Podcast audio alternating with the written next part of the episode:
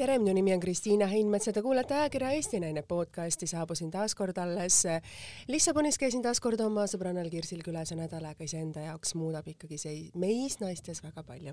et kuulata omi mõtteid, olla eemal natukene teises keskkonnas, vaadata oma elu peale siin Eestimaal natukene teistmoodi, kirjutada paberile need asjad, mida sa tahaksid veel elus nüüd saavutada, kui eelmine reis oli selline, et vaade võib-olla natukene, mida ma üldse tahaksin, siis nüüd ma istusin tõesti nendes imearmsates kohvikutes, mis on võib-olla selles vanalinnas natukene, kuidas öelda siis võib-olla räbaldunud või natuke katkiste majade hoovides.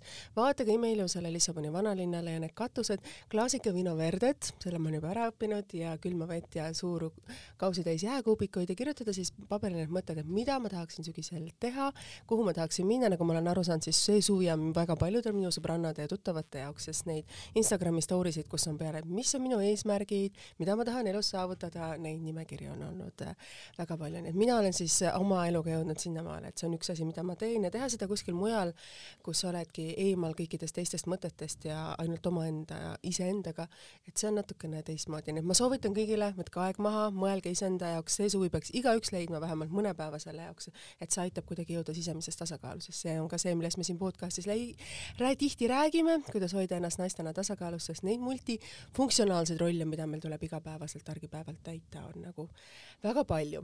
ja samamoodi palju õnne kõigile oma kallitele sõpradele, tuttavatele, kõigile kallitele kuulajatele, kelle lapsed lõpetasid ülikooli, ülikoolirallid on läbi, ma mäletan neid küüntenärimisi ja sada, kuidas öelda, põhimõtteliselt, no mitte päris sada, aga kümme tassi ööpäeva jooksul kohvi joovaid emasid, kes siis värisesid kõrvaltoas, kui nende lapsed koroonaviiruse, kuidas öelda siis tingimustes tegid kõrvaltoas eksameid või kes tegid koolides, need olid väga erinevad, eksamid on kõigile läbi ja nagu ma olen aru saanud, ka paljud lapsed juba ülikoolidesse sisse saanud, nii et ka need, ütleme, sellised ärevad hetked, et kas juhtub nii või ei juhtu nii, on, on juba mõnes mõttes nagu möödas, nii et palju õnne kõigile emadele ja nendele lastele, kelle jaoks on selline elutähtsamaid üks küsimusi on nagu möödas ja nüüd saab võib-olla natukene rahulikumalt võtta.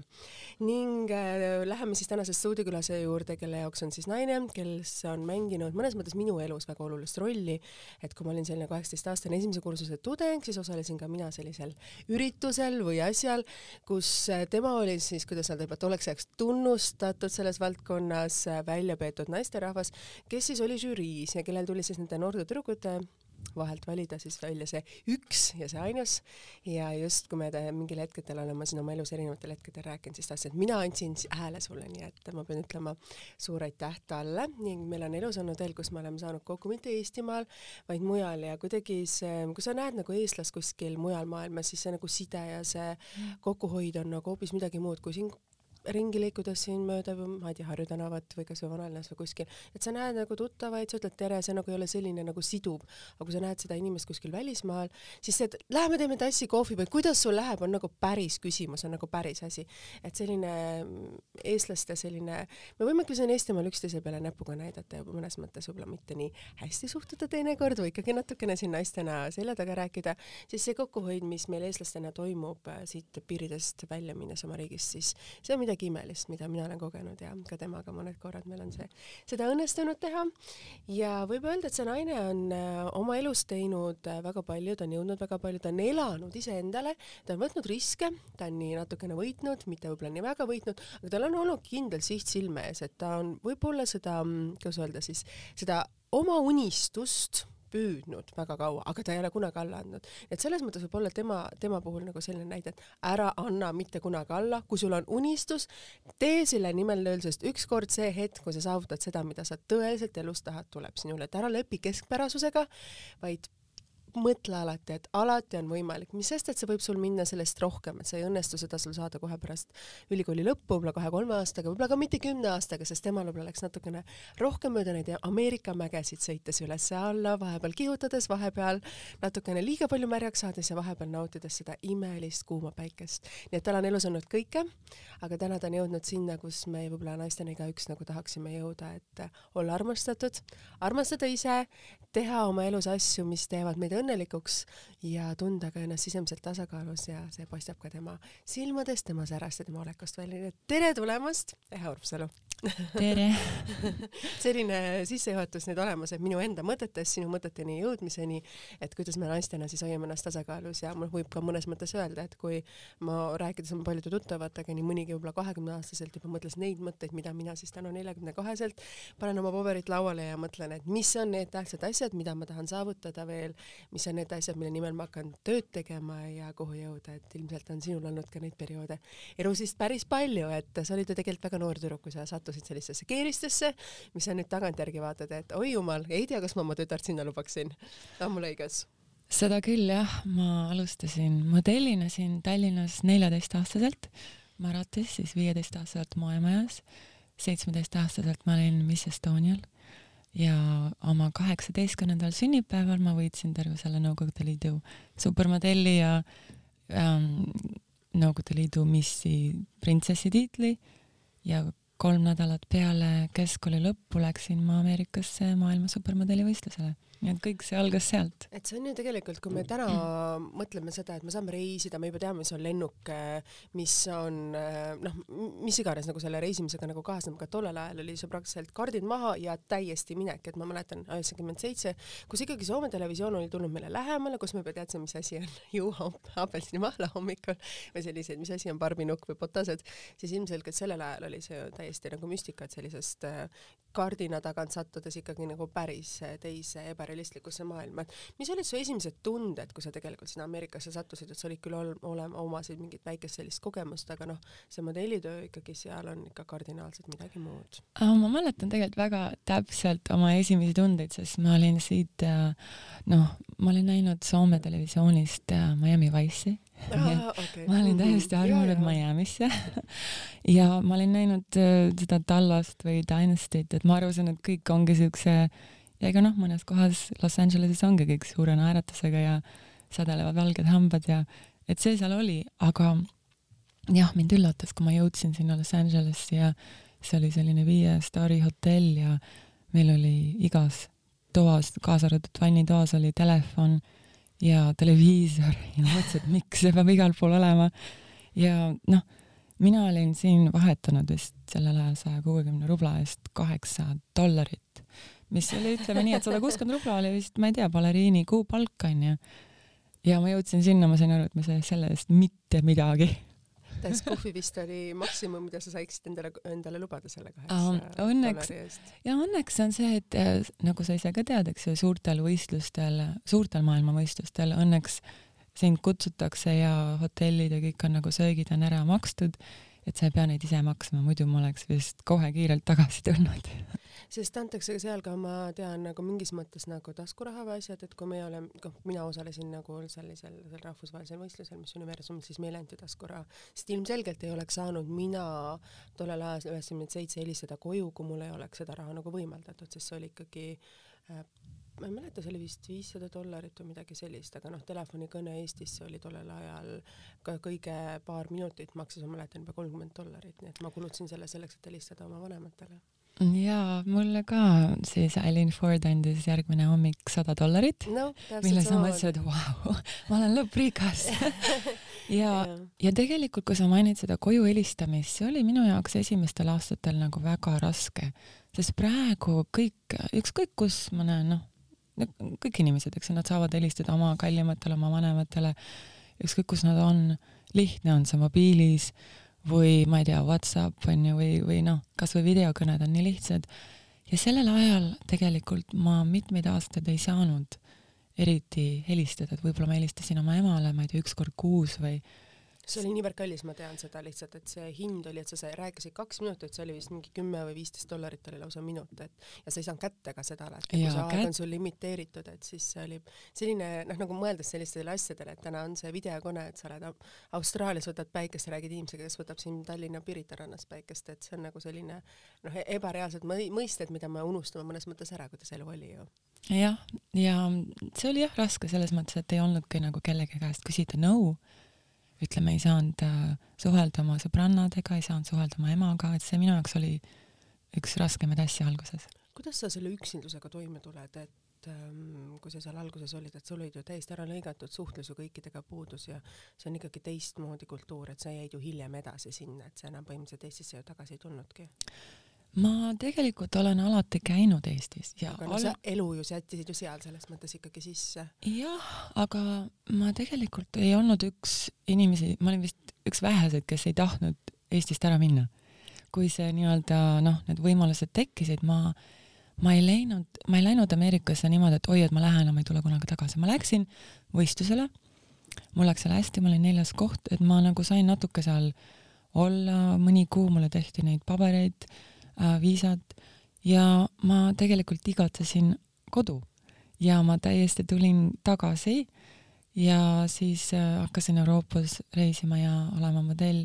Ja väga tihti käisin just nimelt nagu Eestist, et alguses mul oli vist viis passi, sest igas saatkonnas võttis mingi Moskvas kuu aega aega, et saada viisat, nii et mul üks mingi Prantsuse saatkonnas, teine USA onju. et see oli selline aeg ja võib-olla alles mõni aasta hiljem ma sain aru, et tegelikult ma veedan rohkem aega seal kui siin. ja mul nagu tekkisid seal uued sõbrannad, tekkisid suhted ja minu elu nagu tükk aega nagu ma ei teadnud, vähemalt kümme, kakskümmend aastat ma ei teadnud, kas ma jään siia või sinna ja ega ma, ma ei tea, siiamaani ei tea kui sa tegelikult mõtlesid kümme, kakskümmend aastat, see on ju tegelikult pikk aeg, et sa ütlesid, et sa ei teadnud, kas ma jään siia või ma jään sinna, et et kuidas sa nagu selle aja endale üles ehitasid, et sa töötasid seal modellina, aga kas sa tegid ka midagi muud või oli see, oligi nagu see ainus eesmärk sul või et, et ma tean, et sul on olnud need otsingud väga, väga, väga mitmetes erinevates valdkondades ma algusest peale juba Eestis, juba, juba keskkoolis olin täiesti kindel, et minust saab näitleja. Ja mul ei olnud mingisugust huvi või isegi noh, ei olnud isegi võimalust loomulikult minna Hollywoodi.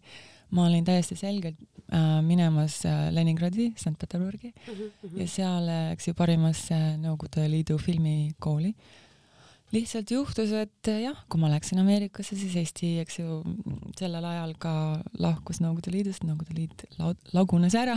ja meil oli see uks oli mõnes mõttes kinni ja Hollywood oli veel. ja Hollywood oli liiga lahti. suur, liiga suur, et sinna saada ei, aga Hollywoodi ma läksin, aga milles oli jah, mul muidugi number üks probleem oli see keel. jaa, no täpselt oligi see asi. see minu inglise keel oli nii kohutavalt halb, et ma olin küll väga, isegi noh öeldi, et väga hea näitleja, väga andekas, aga kui sa ikkagi ei oska, ütleme niimoodi, noh, natuke räägid või see on lihtne, aga ütleme, kui sa ikka tahad näidelda, tahad nüansse panna, keelt, häält. see võtab aega. see, see võttis mul aastaid kahjuks küll, jah. et ma leian, et praegu on nii tore, et siin noored ja juba keskkoolis juba, juba nooremad kõik räägivad mitmeid keeli, et see on tegelikult, sinul vist ka lapsed räägivad nii inglise kui prantsuse onju, jah? See on kuidagi, tuleb haridusega kaasa, et ma olin ju ise samamoodi eksperimentaalklassi sattusin, et ega tollel ajal ju kaheksakümnendatel tehti ka eksperimente lastega, mina olin täiesti tavaliselt Lasnamäe koolis äh,, läksin oma elukohajärgsesse kooli, mis oli siis viis minutit või seitse minutit jalutada mul kodust ja seal tehti inglise keele kallakuklass. see, et meile osutub selline suurepärane õpetaja, kes meil on absoluutselt aktsendivaba, kes nõuab meilt ka noh, päriselt keele õppimist, see tähendaski seda, et meil olid iga päev etteütlused ja asjad, et me olime samasugusel tasemel, nagu oli siis äh, inglise kolledž inglise keel, et siis selles mõttes ma pean olema, et ma küll need esimesed aastad nutsin seal neid krokodillipisaraid, sest see oli lihtsalt niivõrd raske mm -hmm. minu mhm. jaoks, sest keegi teine ei õppinud ja kõik mängisid õues või tegid muid asju, aga noh, mina, kes ma olin seal eksperimentaalklassis, pidin siis õppima, et noh, see oli nagu päris et selles mõttes jah, et ma olen ise ka püüdnud emana, et äh, pigem lasen lastel olla raskem seal koolis, sest nad hiljem mõistavad, et see, kui nad oskavad keeli või ma hästi matemaatikat või füüsikat, et see tuleb neile mingil hetkel kasuks, et nagu nad praegu seda ei mõista, et et jah, et selles mõttes keelte õppimine on väga oluline, et siis on maailm nagu avatud. Mõttes küll jah, et et noh, kuulates ka sind, et äh, ilmselgelt noh, Venemaal oli ju, oli võimalik minna sinna, et ka omal ajal nendel kaheksakümnendatel aastatel väga paljud eestlased ju said ka noh, lõpetasid seal väga suuri ülikooli, et aga siit jah, inglise keele, keelega minna kohe kaheksakümnendate lõpul, et see oli keeruline paljudele. jah, nüüd ma olen praeguseks päris mitmeid keeli niimoodi, et ma saan nagu natuke hakkama erinevates keeltes, sest ma olen no, hästi palju reisinud. Inglise keeles sa kindlasti kodus, et see on no,, see ongi su põhikeel ju täna. aga vahepeal ma rääkisin natuke ka seal itaalia keelt, natukene hispaania keelt, noh et oleneb, kellega sa suhtled rohkem, see äh, Need keeled kindlasti jah, tulevad kasuks, need ma kõigile soovitan. sa oled elanud väga mitmetes paikades ka Ameerikas, et ähm, kuidas sa need võrdled, et mis on eluolu Miami's on ju hoopis midagi muud kui New Yorgis näiteks ja miks, miks sulle näiteks mingi piirkond meeldib rohkem kui mõni teine? um,? jaa, algusest peale, nagu ma mainisin, juba enne sinna jõudes ma olin täiesti armunud Miami'sse, sest ma vaatasin Miami Wice'i ja mul õnnestuski sinna päris alguses minna ja ta mõeldi mulle siiamaani, sest äh, noh, mis seal salata, ilusad rannad, soe ja, ja võib-olla kõige rohkem see, et inimestel on seal hea tuju. mulle meeldib, et seal on ladinaameeriklasi väga palju ja tegelikult ameeriklasi enda, endid seal väga palju ei ole, et nad on seal Hollywoodis ja nendes väiksemates kohtades Miami'st väljas, et Miami on väga selline latinokeskne, latinokeskne ikkagi. ja aga samas rahvus, rahvusvaheline, seal on, ütleme, piirkonnad, kus on rohkem prantslasi, seal on piirkonnad, kus on itaallased ja niimoodi oma sellised äh, ringkonnad ja see on väga rahvusvaheline ja väga paljudel, kes elavad ka ütleme New Yorgis, nendel on väiksed kas korterid või talvekorterid või niimoodi seal Miami's, et mulle sellepärast ta väga meeldib. et jah, ma ütleksin, et enamus inimesi, kes seal on või sinna tulevad ajutiselt, nad ikkagi mõnes mõttes puhkavad või nad naudivad seda loodust, seda ilu, seda sooja. mulle lihtsalt meeldib, mulle, võib-olla ma kasvasin üles siin Nõukogude sellises äh, karmi meeleoluga kritiseerivas ühiskonnas, et ma nüüd jah, naudin seda sellist vabalt mõnusalt olemist. kuigi samas äh, mulle väga meeldis viimased kakskümmend aastat New York ja ma elasin kuni oktoobrini elasingi New Yorgis ja seal muidugi mulle tundus, et oli selline maailma pealinn ja ma ei tea, kuidagi see sobis mulle väga hästi mulle meeldis, et sinna tulid niimoodi ka üle maailma kõik sellised noh, hästi palju siukseid intelligentseid inimesi, eks ju, erinevatest valdkondadest, kellega sai suhelda ja nagu tundsid, et sa nagu oled selle, oledki pealinnas, et tead, mis toimub ja see mulle väga meeldis. Aga viimasel aastal, ütleme siis eelmine aasta, mitte ainult Covidi pärast, aga seal ka poliitiline seis ja kõik muu ähm, on tegelikult New York, ma ütleksin, et see New Yorgi aeg on möödas ja nagu me tänaseks oleme leidnud, et ei peagi olema seda ühte keskpunkti, kuhu kõik peavad oma kontorisse tulema iga päev. tegelikult enamus inimesi nüüd töötavad kodukontoritest või, või niimoodi mujalt, et ja see digimaailm, eks ju, rohkem ja rohkem toimub, et ei ole nii, et pead minema oma kontorisse laua taga. Ähm, et sellepärast ma leian, et noh, mitmed põhjused, miks New York tegelikult ei ole enam ei ole enam see pealinn. Seal on ka kinnisvarahinnad kõvasti kukkunud ja üürihinnad, sest inimesed on igale poole mujale laiali läinud just nendes hirmudes ja asjades, et et kui sa ütlesid, et sa olid New Yorgis ju tegelikult, kui see Covidi asi hakkas, et kuidas siis oli seal, et äh, see hirm oli ju päris suur, sest need majad on suured, et kui sul on keegi kuskil seal nagu, nagu räägiti, et köhatab kuskil liftis või midagi, et siis on nagu see hirm oli paljudel, et need lähiümbruste majade üürid, asjad tõusid kõvasti, sest inimesed kolisid linnast ära privaatsematesse kohtadesse jah, see oli, see oli õudne, sellepärast et äh, selline tunne, et nagu oled kunagi näinud mõnda sellist ulmefilmi, et vot nüüd on mingi õudne situatsioon mingis tulevikulinnas ja see oligi, siis me, me nagu tundsime, et me nüüd olemegi selles, sinna jõudnud, et nüüd see toimub. ja jah, see oli, see oli, see oli päris hirmus, õnneks ma olin oma väikese korteri ära andnud just mõni pool aastat ennem seda ja kolinud oma kallima juurde, kellel oli siis palju suurem korter, kellel oli sellise ilusa suurte akendega vaatas päikeselangust. nii et ja oli noh, vee ääres, New York, Manhattan on selline poolsaar, et me olime nagu vee ääres ja me saime jalutada vee ääres. et see oli nagu väga palju aitas. et mina oma vanas väikses korteris oleks kindlasti, ma ei tea, täitsa hulluks läinud. et kas seal oli ikkagi väga suur isoleeritus New Yorgis tollel ajal? No arvestades sellega, et meil olid ikkagi aprillis äh, külmutatud, eks ju, kaubamasinad laipadega tänavatel, siis see jah. sa vaatasid seda ise kõik pealt, et see oli hirmus? see oli hirmus, ma ei julgenud isegi, tähendab minu selline ähm, režissööri silm või niimoodi tahtis väga minna, teha, filmida, ütleme seal Times Square'is, kus kedagi ei olnud. milline võimalus on ju minna mm -hmm. üksi kasvõi ise sinna aga ma ei julgenud, ma tõsiselt ei julgenud, sellepärast et me ei teadnud, kas oli, keegi kuskil köhatab, see, see piisk kuskile sinuni jõuab ja ma isiklikult teadsin ka ja praeguseks tean mitut inimest, kes on kahjuks ära surnud Covidisse. et lihtsalt ei julgenud. et polnud seda väärt, et minna riskida. Aga istuda seal kodus ikkagi, see oli päris keeruline ja raske sulle endale, et mis mõtted sul endal peale tulid, noh pähe nagu selles mõttes tulid, et kuidas ja mismoodi edasi või kuidas sa ise tundsid ennast uh,? huvitav on see, et ma helistasin oma emale mm, -hmm. kes äh, nüüd sai üheksakümmend. oi, palju õnne, oi jumal milline kaunis vanus. ja, ja tema elas ju läbi selle maailmasõja onju mm, -hmm. teise, ja ma rääkisin temaga, et kuidas, kuidas te hakkama saite ja mis, mismoodi te mõtlesite ja uskusite, eks ju, tulevikku selle sõja ajal mm. -hmm. keegi ei teadnud ju, kui kaua see kestab või mis saab, onju, mis toimub.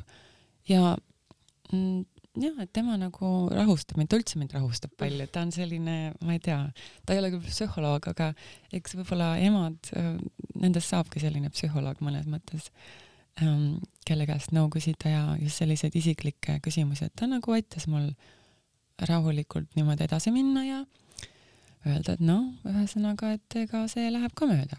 Ja noh, et lihtsalt tuleb vaikselt proovida hakkama saada. Ja mina muidugi võtsin kõik äh, meetmed mängu selles mõttes, et ma siiamaani tegelikult olen käinud nagu kinnastega, mitte küll nende kummikinnastega, aga ilusate puuviljaste pestavate kinnastega, nagu viiekümnendatel aastatel naised käisid.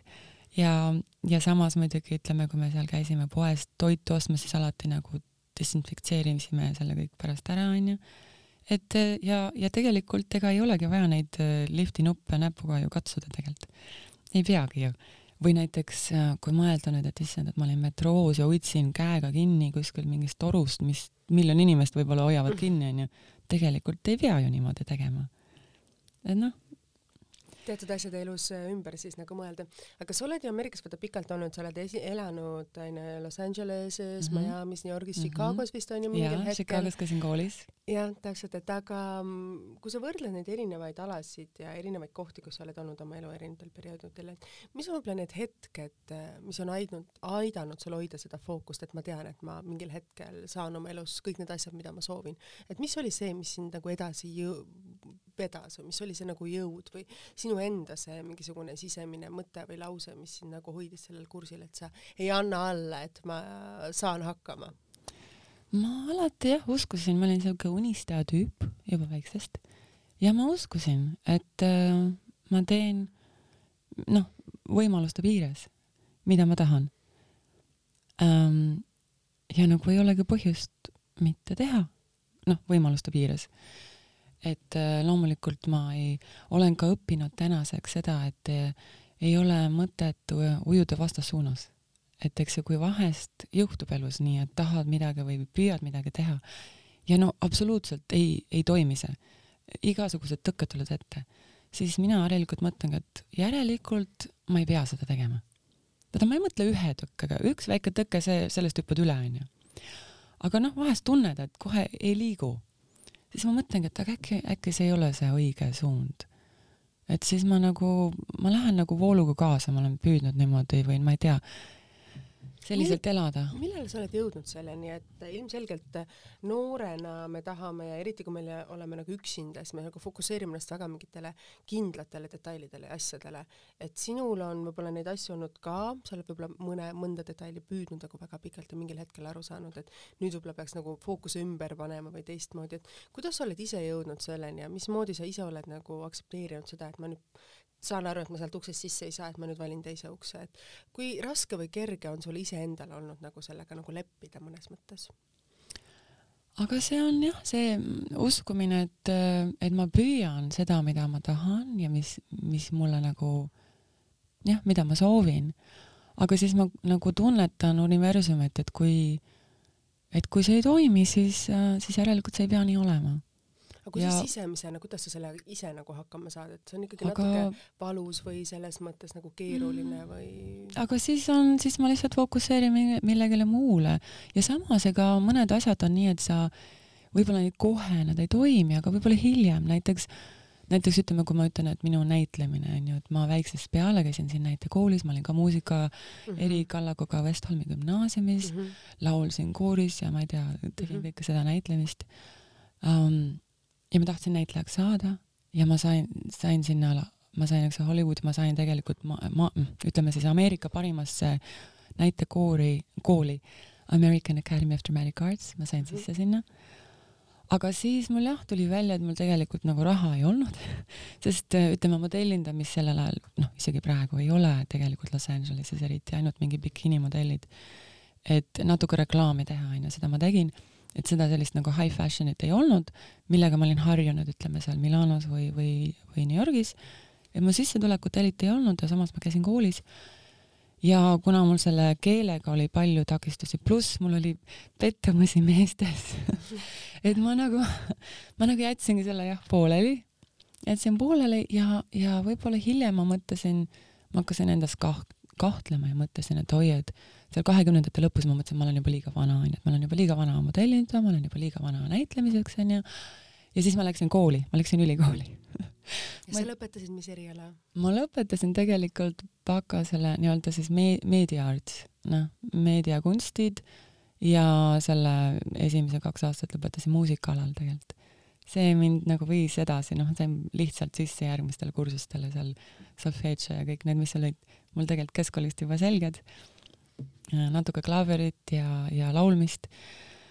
Aga mulle tegelikult väga meeldis koolis käia, sest ma sain õppida, võtta kursuseid enam-vähem, mida ma tahtsin, eks ju, ma võtsin psühholoogiat ja erinevaid.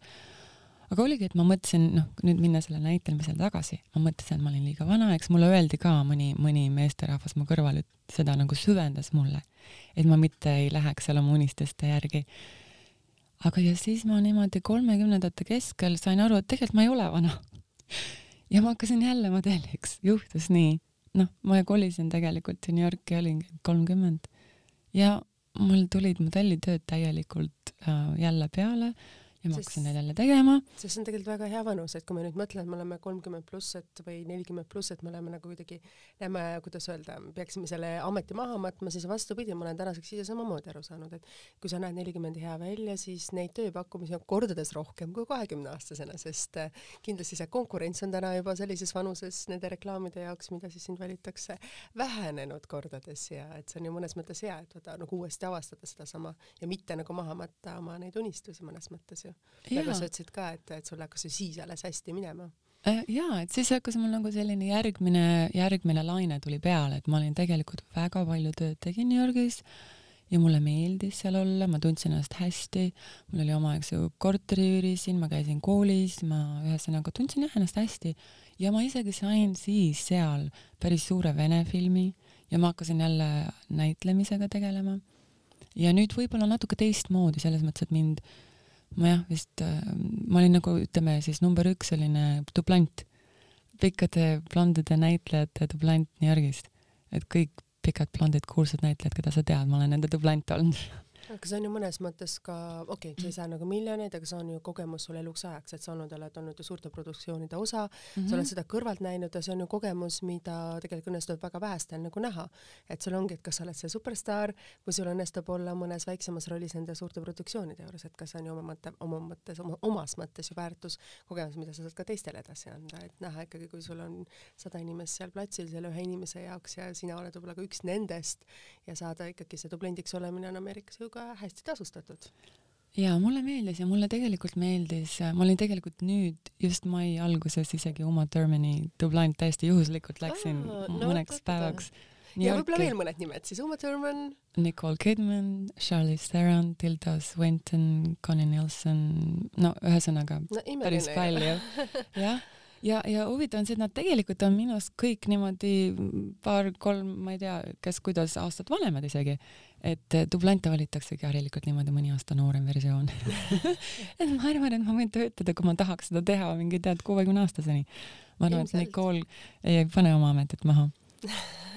Aga sellest arenes tegelikult see, et ma olin, eks ju, kuude viisi töötasin just nende äh, cinematography tega, nende noh, ütleme režissööri seal, ähm, kaamerate ja kõige nendega, et ma õppisin nii palju seda just sellest taga, tagapoolt. täpselt, täpselt, et, et sul nagu... on võimalus teha seda, mida teistel ei ole, teised maksavad peale, et saada sinna praktikale ju tegelikult. nojah, et, ähm, et minus areneski välja see nii-öelda režissööri silm ja hiljem ma ähm, kirjutasin ise ka paar stsenaariumit ja, ja nüüd juba mõned pikemad stsenaariumid ja ma ju hakkasin nii-öelda siis resi-, režissööriks ja tegin paar väikest filmi ja et, ähm, et, et see nagu, see nagu kõik nagu areneb selles mõttes, et et, et see ei pea, mida sa tahad, see ei pea olema täpselt selles vormis, et ainult nii ja täpselt sellises kastis, et mina olen nagu täiesti avatud, et vot see mulle suund, ütleme, meeldib, et ma siis sellega nagu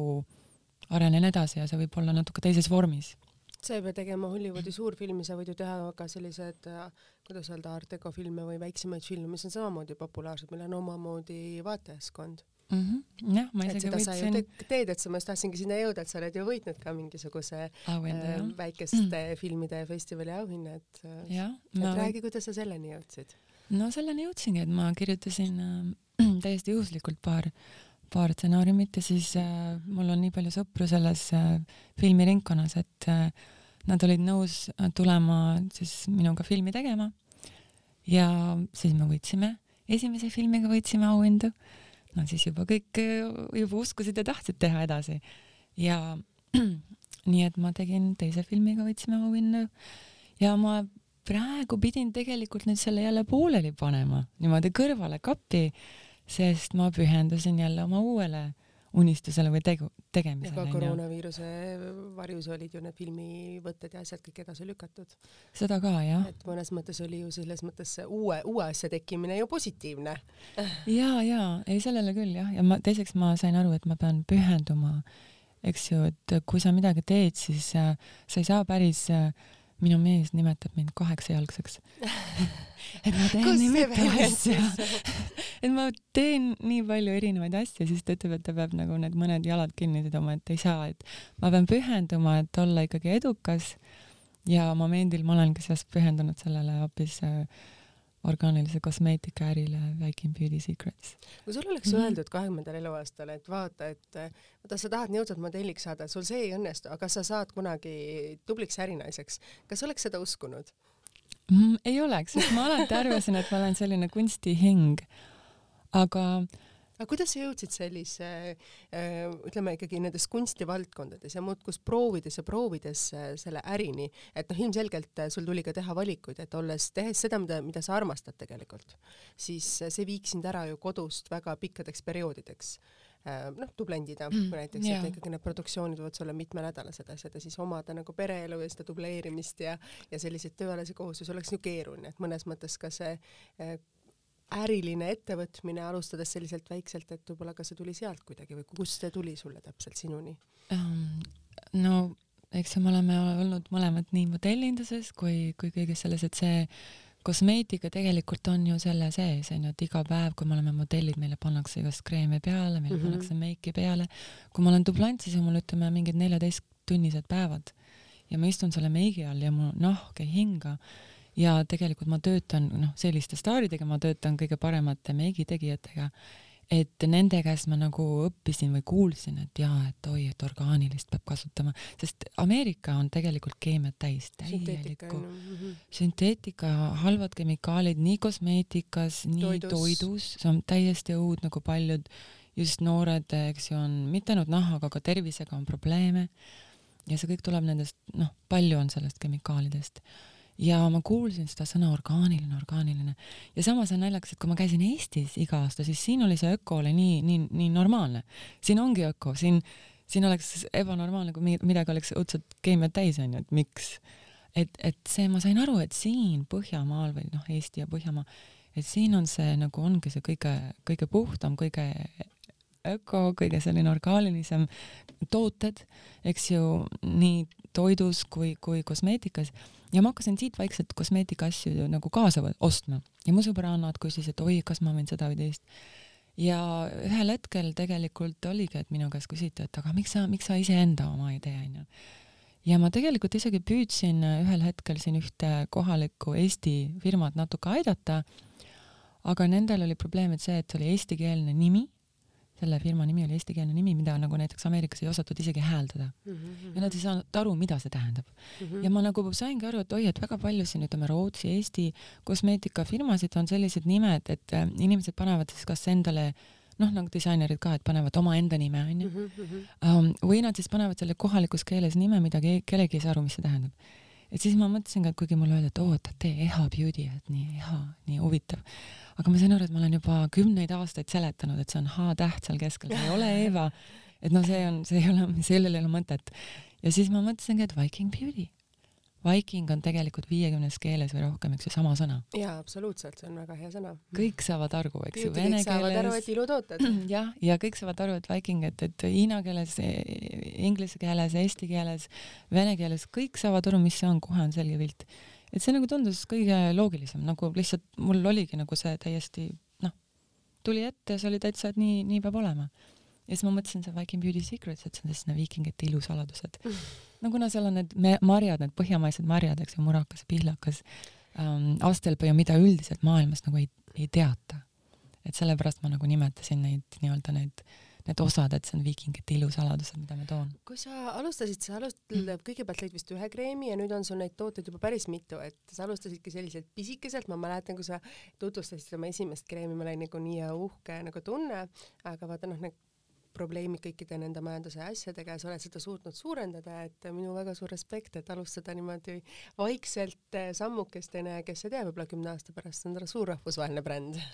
aitäh, jah, me saime ju kokku täpselt siis, kui ma olin oma esimese kreemiga välja mm, tulnud ja siis mul kõik oli nagu vau et sa alustad nagu sellise äriga põhimõtteliselt ju täiesti keerates eh, uue lehekülje ja mitte karta seda teha jah, aga ma, tähendab, ma alustasingi väga väikselt, et, et noh, et igaks juhuks niimoodi vaikselt ja õppides ühe, ühe produktiga, siis nagu teine, siis kolmas, nüüd on meil neljas tuli just välja silmakreem. hakkan proovima. Aitäh sulle.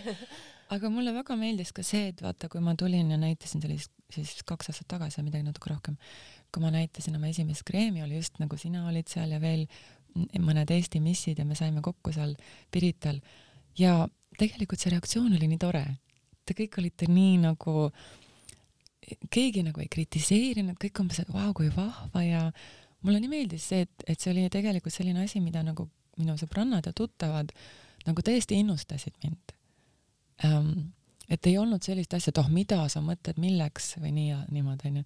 et vastupidi, see oli nagu selline tee ja loodame, et läheb hästi onju, et vaatame, mis saab onju ja niimoodi vaikselt äh, mul on siiamaani tegelikult, see on toonud mitmed minu sõbrannad, isegi paar tükki mm, näiteks see Eesti ujuja Merle Liivand Eestist mhm, onju mm -hmm. ja üks minu vene sõbrannasid, nad on meil ka firmas äh, kas siis, kas siis niimoodi natuke töötavad või on, või on kaasomanikud nagu näiteks Merle et, et see on tore teha niimoodi koos midagi ja, ja arendada seda ja kas ei ole oluline, et kui sa alustad millegiga, et meil Eestis kipub olema see, et isegi kui sa teed mõnda asja, sa ei tea, kas sa sellest saad äh, kuidagi seda hakkama või mitte, aga sa alustad vähemalt, sa hakkad midagigi tegema. et siis seda kriitikat, mis on negatiivne, pigem juba enne kui sa suudad midagi teha, on juba sind pihuks ja põrmuks tehtud, et sul ei lasta nagu arendada, aga sa ütlesid nii ilusasti, et sul sõbrad toetasid, kõik toetasid, et tee, et sa saad hakkama sellega, et kas sellel ei ole suurem jõud kui see, et kas see õnnestub või mitte, see, et, et inimesed usuvad mm -hmm. sinusse. jaa, täielikult, sest ega ma siiamaani ei tea, kas noh, ütleme, mul on tore, mulle meeldivad kreemid, sõbrannadele meeldivad, kõigil on hea, ma ei pea nüüd kreemide peale raha raiskama, onju, teiste, noh, ütleme vahest ma muidugi kontrollin ja proovin mm -hmm. niimoodi konkurente ka, aga samas see nagu annab nii-öelda elule positiivset asja juurde ja noh, ma loodan, et ta läheb edukaks, aga aga juba on, juba on hea. Ka see on hea. Ja samas ma olen nagu tunnen, et ma olen endale tõestanud, et ma oskan ka seda ja ma saan sellega hakkama. Ja muidugi peab ütlema, et ma päris niimoodi huupi nüüd ei alustanud, ma tegelikult, minu mees on päris tark, et ma näitasin talle niimoodi ideed alguses ja ütlesin, et vot ma tahan sellist asja teha ja tema on nagu noh, ta on finantsjuht ja finants peal kõik, et ta nagu vaatas neid numbreid ja niimoodi noh annab mulle selles mõttes nõu, et ta päris noh, ma niimoodi täiesti huupi ei tee, et ma ikka niimoodi vaikselt organiseerin ja vaatan, et mul kreedit ja debit ikka tulevad kokku. Sa ütlesid ikka praegu väga ilusasti, et sul mees, sinu abikaasa, toetab, aitab sind, et kas see oli väga suur tähtis roll selles, sa ütlesid, et kahekümnendate lõppudel oli, lõpus sa olid koos inimestega, kes tõmbasid alla, ütlesid sulle, et sa ei saa hakkama, et sa ei saa olla see modell ja sa ei saa olla see näitleja, et et see tegelikult ju mõnes mõttes meie enesehinnangut tõmbab maha ja see, et me kardame ja me tunneme, et me ei saagi hakkama, on ju meil väljas näha, siis kuidas öelda, sa ei suuda konkureerida, konkureerida nende teistega, kes on nagu enesekindlad, et ma tean, ma olen parim. et kui sa seda iseendasse ei süvenda, siis ongi see, et sa vajudki lõpuks selleks madalaks matiks, kes arvabki, et ma ei kõlbagi milleski, ma ei saa hakkama, et sina oled seda elus ju palju kogenud, et kui palju sul on olnud seda sirget selja öelnud, et ei, see ei sobi, sinu ütlused ei ole õiged, et kui palju sa oled ise seda teinud? Seda on kahjuks olnud jah, mitu korda. ja ma olen võib-olla hiljem aru saanud või mõelnud, et miks, miks ma olin sellise inimesega, miks ma lasin ennast sellise inimese nii-öelda mõju alla kes mind nii-öelda madalaks tegi, kes mind vaikselt hakkas manipuleerima, eks ju, see kõik hakkab niimoodi armastavalt pihta, onju, et oi, et sa oled nii armas, ma ei tea, suurte silmadega sind armastatakse. aga mingisuguse aasta pärast sa leiad, et sa oled manipuleeritud sellesse, et sa ei usu endasse, sa oled jätnud oma karjääri, sa oled jätnud oma kohad, sa oled, elad seda äh, rolli, mida nemad tahavad, et sa elad. minul vähemalt on nii juhtunud ja ma leian, et paljudel sõbrannadel, naistel on see kuidagi läheb nii loomulikult, et kui sa sellest ühel hetkel aru saad, sa ei oska enam sealt välja tulla, et kust sina leidsid selle jõu seest tulla, sest sul on olnud neid elukord, noh, olukordi ja. nagu palju. et see on väga raske ju, et leida endasse sisemine enesekindlus, kus sul on pangakontol põhimõtteliselt null eurot, sa oled võõras riigis ja nüüd öelda, et sorry, ma panen ukse kinni ja kuidas ma hakkama saan, ei tea, kuidas ma tegelikult äh, katuse pea kohale saan ja kuidas ma homme endale tassi kohvi või äh, selle võileiva saan ostetud sul on olnud seda olukorda ju palju? jah, on olnud ja ma olen äh, õppinud nendest olukordadest, ütleme nii, et kui ma alguses ähm, olin väga selline tundeline ja vihastasin ja, ja lõin umbes pauguga ukse kinni, et nüüd ma lähen. ja kahjuks ühel sellel korral mul isegi pandi püstol nina alla, onju, laetud püstol siis ma sain aru hiljem, et tegelikult eh, kui tahad minna, siis peaks natuke ette planeerima. et, et ei tohiks niimoodi ehmatada inimest, kes on ka võib-olla väga äkiline um,. ja järgmine kord, kui ma leidsin ennast, et nüüd ega see noh, ma ei tea, naised või võib-olla Eesti naised üldse ongi sellised mõtlevad olevused ja me tegelikult mõtleme, me minu meelest vähemalt oma, omaenda ja oma sõbrannade pealt vaatame, me tegelikult päris nii kärts-mürts ei, ei nagu ei lõhu neid, neid äh, suhteid, suhteid või kristalle, et me ikka, ma olen ka nagu siis ma nagu hingan ja mõtlen, ma saan aru, et see enam ei toimi, et see ju enam ei toimi ja võib-olla okei okay,, alguses seal mingid vabandused paned, ah ei, aga ta ju tegelikult seal palub andeks, ta tegelikult nii ei tee ja nii edasi. no mingi aja pärast sa tead ja sul on kõhutunne ja kõik see ütleb, et see ei ole see õige ja sa ei suuda enam lihtsalt, et sa lämbud kogu sellesse asjasse. nojah, siis mõtledki, et elu tegelikult on ju ees, et kas ma nüüd tahan, tahangi olla siin niimoodi ja, ja ega üldiselt mehed ei muutu. seda ma võin nüüd öelda et.... mehed ei muutu, kallid kuulajad, jätke see sõna meelde, mehed ei muutu. Ei muutu, me võime natuke areneda, me võime neid aidata areneda, me ise areneme. Aga üldiselt seda nõuda, et nüüd inimene teeb täiesti suure muutuse ja enam kunagi ei tee seda, mida ta on harjunud tegema, no see absoluut, tegelikult noh, see ei toimi.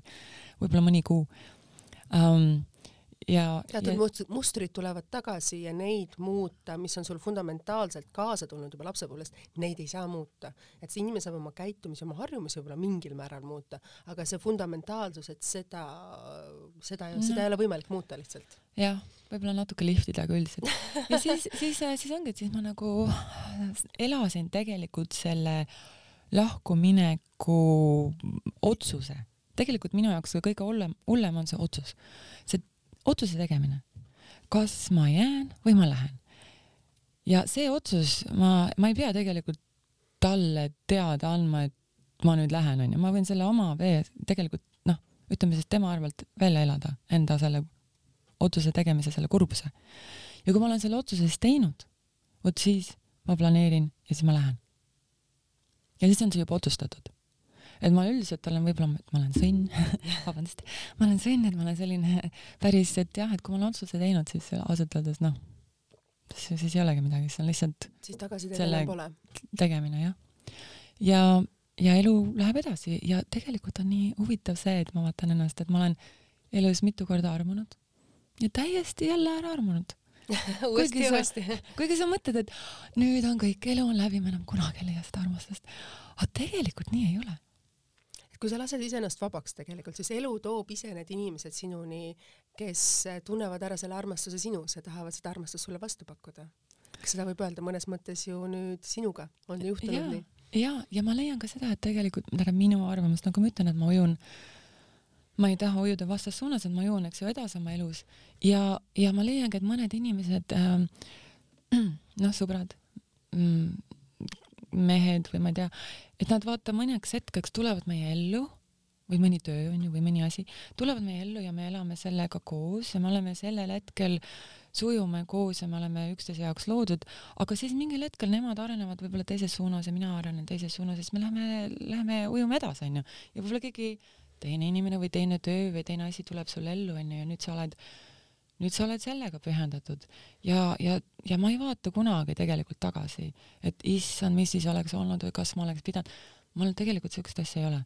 ma vaatan alati edasi sa väga ilusasti räägid, et äh, vaata alati edasi, mine oma eluga edasi, inimesed tulevad ja lähevad, olukorrad tulevad ja lähevad, aga oluline, kui sa suudad ise, iseendaga kuidas öelda, fokusseerida, edasi minna, siis elu ise tegelikult ma olen ise kogenud siin viimase kolme, kolme, kahe aastaga, et elu ise paneb asjad paika, et sa ei peagi mm -hmm. palju pingutama, vaid kes tulevad, need tulevad, kes on osa su osa, nad ise kuidagi saavad sellega minemise ja tulemisega hakkama, et sa ei pea ise pingutama nagu selleks.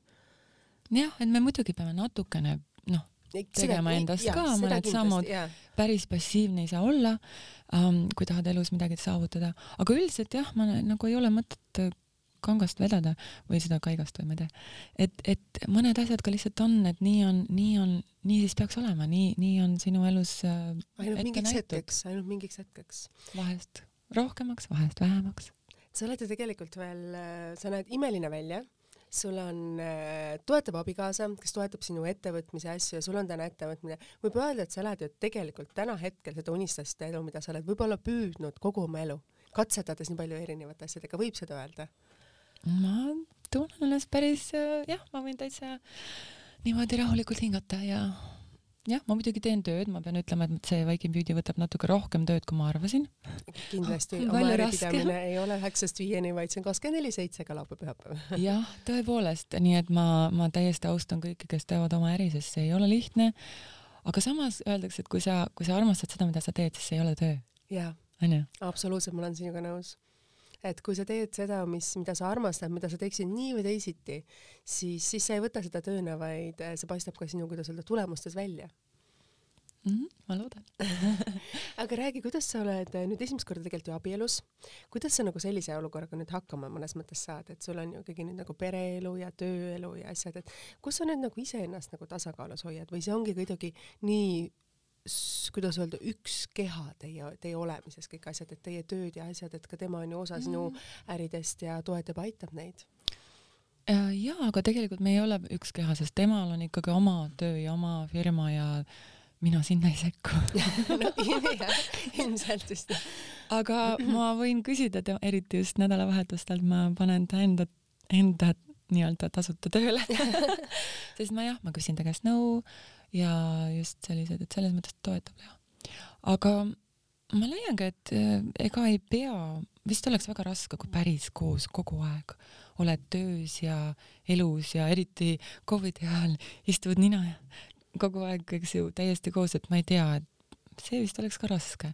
et ma leian, et natuke peab üksteisele nagu õhku andma ja ja las tema teeb oma oma asja ja mina teen oma asja, vahest nagu räägime, aga samas, et ma võin rääkida, et vot ongi, et eri, erinevatel aastakümnetel mina vaatan, et mina kui naisena, ma, mulle, ma otsisin ja tahtsin erinevat inimest enda kõrvale. jaa, seda kindlasti. et võib-olla kahekümnendates ma oleks vaadanud temasugust ja ma oleks nii igav tark ja igav, aga praegu ma hindan teda ja ma hindan seda, et ta ei ole mingi äkiline, ta ei riski oma elu seal, ma ei tea, mingisuguste show tegemiseks, mulle näitamiseks, tal, ma ei, ma ei tahagi, et ta peab pingutama midagi mulle tõestama. noh, ma ei taha. erinevatel eluperioodidel otsime enda kõrvale võib-olla erinevaid inimesi, nagu sa ütlesid, et me arenevad mingi, areneme mingil hetkel erinevates suundades ja meie valikud ja soovid on võib-olla elult äh, teised. jaa, täiesti mina olen ju ka teistmoodi, kui ma kahekümnendates olin, siis ma, siis ma tahtsin joosta ringi mööda maailma kogu aeg onju.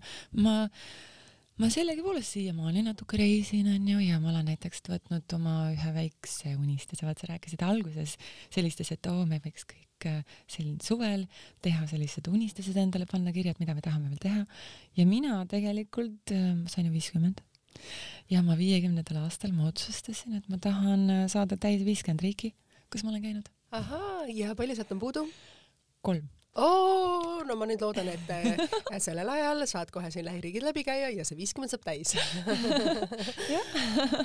Et väga armas, et sellised väiksed unistused on tegelikult, mis hoiavad meid elul kursil, hoiavad meil sihi silme ees, et võib-olla mis on see üks lause, kui me nüüd hakkame jõudma nii palju oma, oleme siin tunnikese juba lobisenud ja peame asja kokku võtma, et mis on võib-olla see lause, millega sa oma elu täna kokku võtaksid, sest äh, ilmselgelt et äh, oled sina täna nüüd ütleme võib-olla sellises, sellises elupunktis, et sa oled rahul kõigega, mis su elus on. et sa oled nagu sisemiselt tasakaalus ja see on ka sult väliselt nagu näha, et mis on võib-olla see lause või asi või mida sa soovitaksid kuulajatele või mis on sind ennast nagu inspireerinud?